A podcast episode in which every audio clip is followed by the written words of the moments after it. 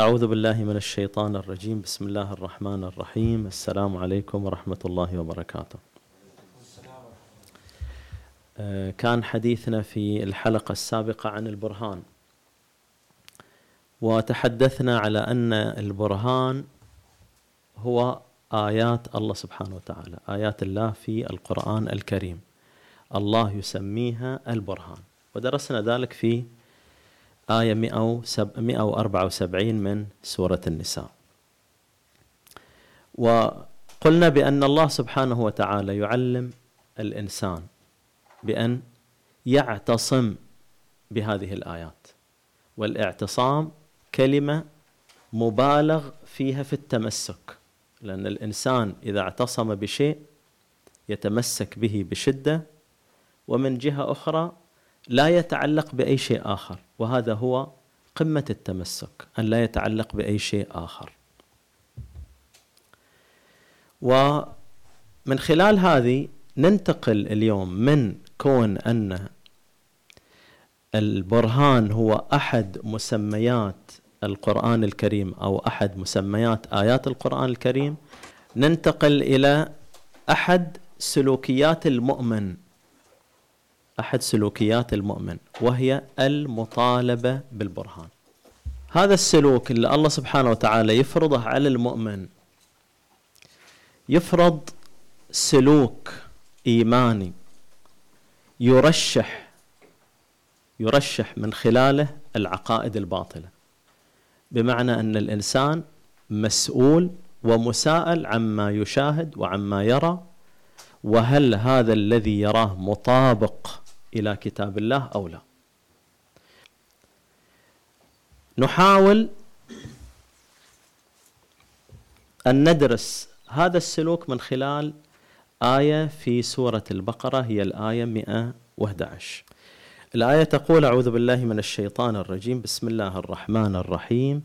وقالوا لن يدخل الجنة إلا من كان هودا أو نصارى. تلك أمانيهم.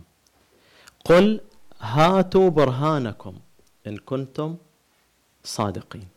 هذا السلوك اللي نحاول السلوك الإيماني اللي نحاول ندرسه من خلال هذه الآية الشريفة. هاتوا برهانكم. هذه الآية تعرضنا إليها سابقا في عقيدة يسميها القرآن الكريم بعقيدة الأمنيات. وش هذه العقيدة؟ هي تمني الجنة. ومثل ما يقول الشاعر وما نيل المطالب بالتمني. نفس المنوال. الآية تقول الجنة بالعمل وليس بالأمنيات وليس بمجرد الانتماء إلى هذه الطائفة أو تلك الطائفة.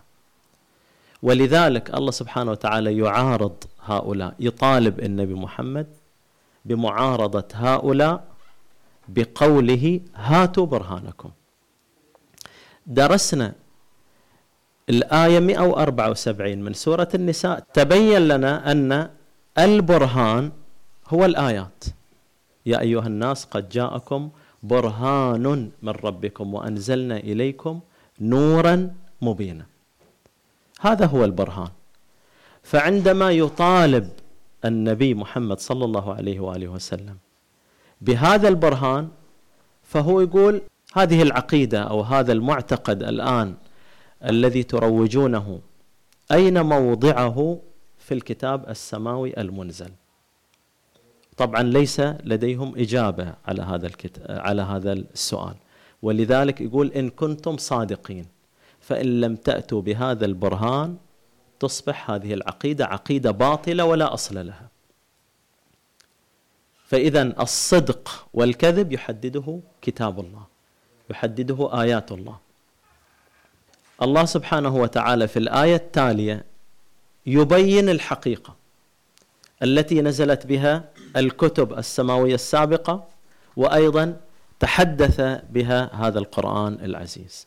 في الآية 112 يقول: أعوذ بالله من الشيطان الرجيم، بسم الله الرحمن الرحيم. بلى من أسلم وجهه لله وهو محسن فله أجره عند ربه ولا خوف عليهم ولا هم يحزنون. اللي يبغى الجنة فعلا يطبق هذه القاعدة وليس قاعدة أنه من انتمى إلى الطائفة الفلانية فقد نجا. مو هذه القاعدة اللي يعتمدها القرآن الكريم وإنما يعتمد على العمل. وين نشوف العمل في هذه الآية؟ بلى من أسلم وجهه لله.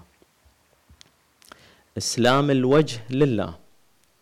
لما أقول هذا الإنسان سليم من المرض يعني خالي من الأمراض يعني معافى خالي من الأمراض. وإسلام الوجه يعني لا يلتفت هذا الوجه عندما يتوجه في الدين لا يلتفت لغير الله. فما معنى هذا الكلام بعد الآية السابقة اللي تحدثت عن البرهان؟ معناه أنه لا يلتفت إلى أي دليل خارج هذا الكتاب إلى أي عقيدة خارج هذا الكتاب. فبلى من أسلم وجهه. يعني يتجه باتجاه واحد الكتاب السماوي بما فيه من عقائد. ويؤكد هذا الكلام الكلمة التالية وهو محسن. لأن الإحسان صفة للعمل وليس صفة للأمنية.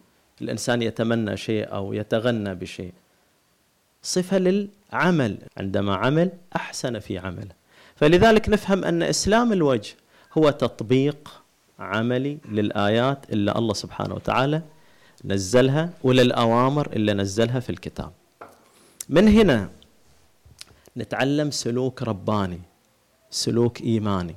هذا الكتاب يبغى يحملنا مسؤولية التفكير مسؤولية النقاش. أي شيء يجب أن نرشحه نفرزه من خلال آيات الكتاب. من خلال معرفتنا بالقرآن الكريم. مو كل شيء يصدق وإنما يجب فرز ما نراه ما نشاهده من خلال العقيدة اللي الله سبحانه وتعالى فرضها في هذا الكتاب.